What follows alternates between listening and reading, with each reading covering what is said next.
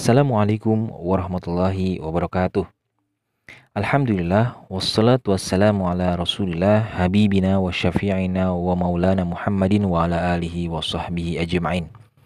Alhamdulillah teman-teman kita bertemu lagi di podcast kedua saya yang insya Allah hari ini saya mau khususkan tentang ulumul Quran yaitu pengetahuan-pengetahuan tentang Al-Quran. Karena sebentar lagi kita mau nuzulul Quran yaitu di mana uh, sebagian orang merayakan uh, apa namanya nuzulul Quran ya hari turunnya Al-Quran. Uh, hari ini kayaknya supaya relevan saya mau bahas tentang nuzulul Quran. Sebagian orang mungkin yang belum memahami bertanya-tanya nuzulul Quran itu para muarikh dan para ulama ada yang sepakat pada tanggal 17 Ramadan termasuk salah satunya um, yang menukil di dalam kitabnya hadis uh, bahwa Al-Qur'an diturunkan pada uh, tanggal 17 Ramadan yaitu Imam Ibnu Katsir. Kalau tidak salah ya, mungkin nanti diingatkan saja. Jika nuzulul Quran pada tanggal 17 Ramadan lalu Al-Qur'an sendiri diturunkan di malam Lailatul Qadar sesuai dengan seperti apa yang di eh, Allah suratkan di dalam surat An Al-Qadr. Sesungguhnya kami menurunkan Al-Qur'an pada malam Lailatul Qadar.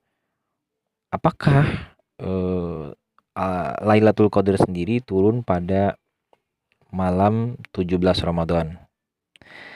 Lalu kenapa di di hadis-hadis lain Rasulullah SAW menyiratkan carilah Lailatul Qadar di 10 malam terakhir bulan Ramadan atau yang uh, lebih yakinnya di malam-malam ganjil seperti itu.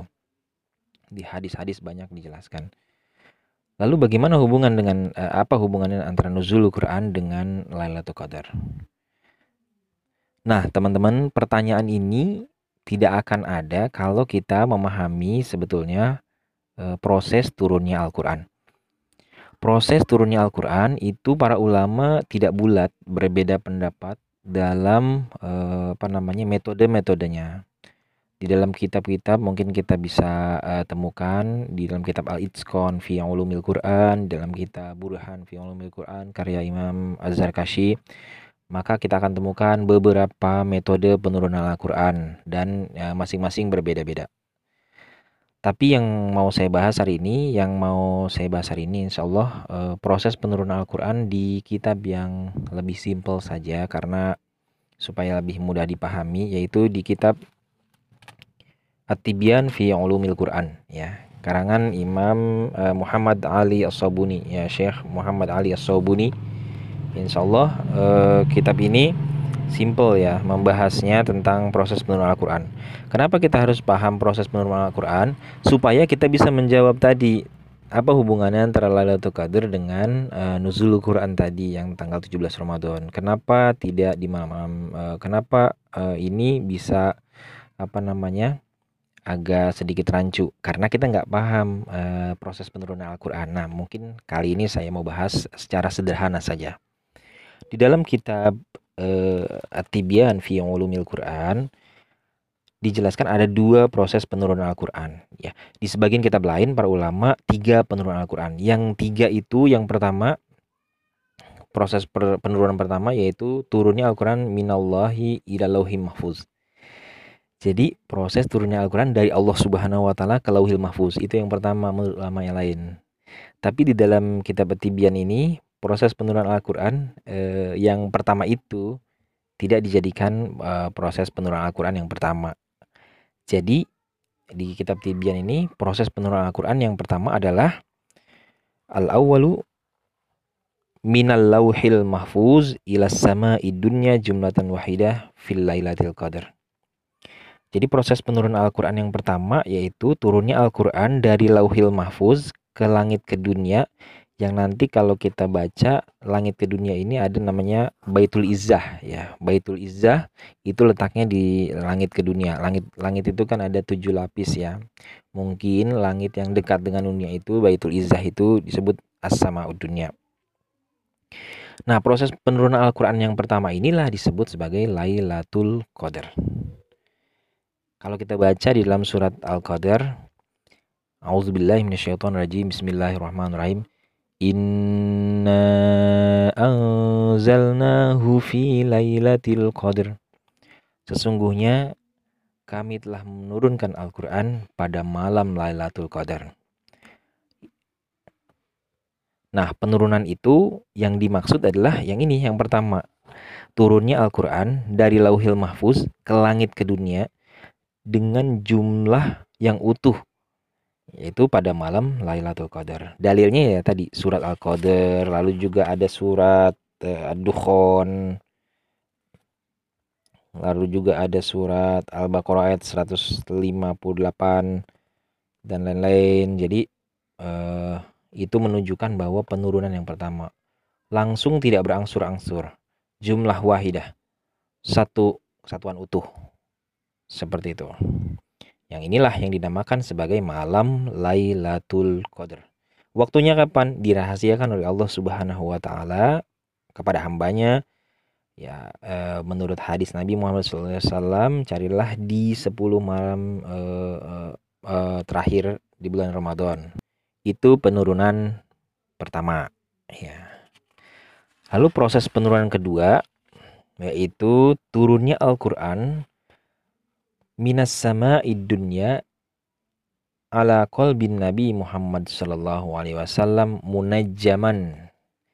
Jadi turunnya Al-Qur'an dari langit ke dunia yang tadi sudah utuh di langit dunia itu, lalu turun dia ke hati Nabi Muhammad Shallallahu Alaihi Wasallam munajaman secara berangsur-angsur. Biwa sitotil amin Jibril alaihissalam melalui perantara Jibril alaihissalam. Jadi pada saat inilah yang disebut sebagai malam nuzulul Quran. Yang para muarikh sepakat ada yang sepakat bahwa ini tepat pada tanggal 17 Ramadan. Seperti itu. Apa dalilnya? Oh, ada beberapa dalam Al-Qur'an. Contohnya kita lihat di surat Al-Isra ayat 106. A'udzubillahi minasyaitonirrajim. Bismillahirrahmanirrahim.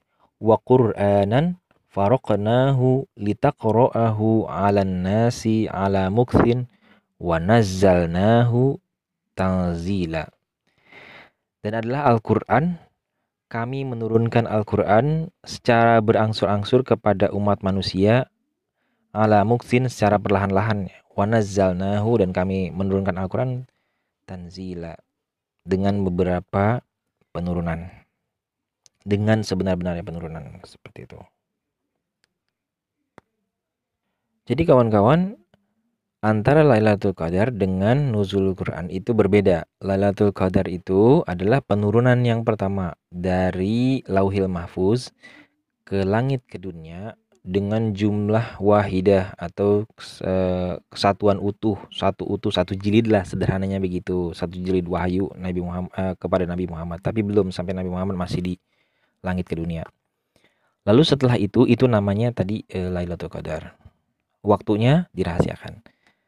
Nah kemudian yang kedua baru penurunan yang kedua dari sama udunya minas sama idunya dari langit ke dunia tadi ya diturunkan ke hati Nabi Muhammad SAW munajaman secara berangsur-angsur selama 23 tahun masa kenabian dan kerasulan uh, Nabi Muhammad SAW ya di antaranya turun di bulan Ramadan di bulan uh, Sya'ban dan lain-lain uh, itu berangsur-angsur seperti itu inilah penurunan yang kedua inilah yang diyakini oleh para muarikh dan para ulama yang sepakat bahwa turunnya pada tanggal 17 Ramadan. Jadi dari sini kita bisa tarik kesimpulan bahwa Lailatul Qadar itu penurunan yang pertama di, e, waktunya dirahasiakan oleh Allah Subhanahu wa taala dan nuzulul Quran itu penurunan yang kedua yang mana penurunan ini dari langit dunia kepada Nabi Muhammad SAW secara berangsur-angsur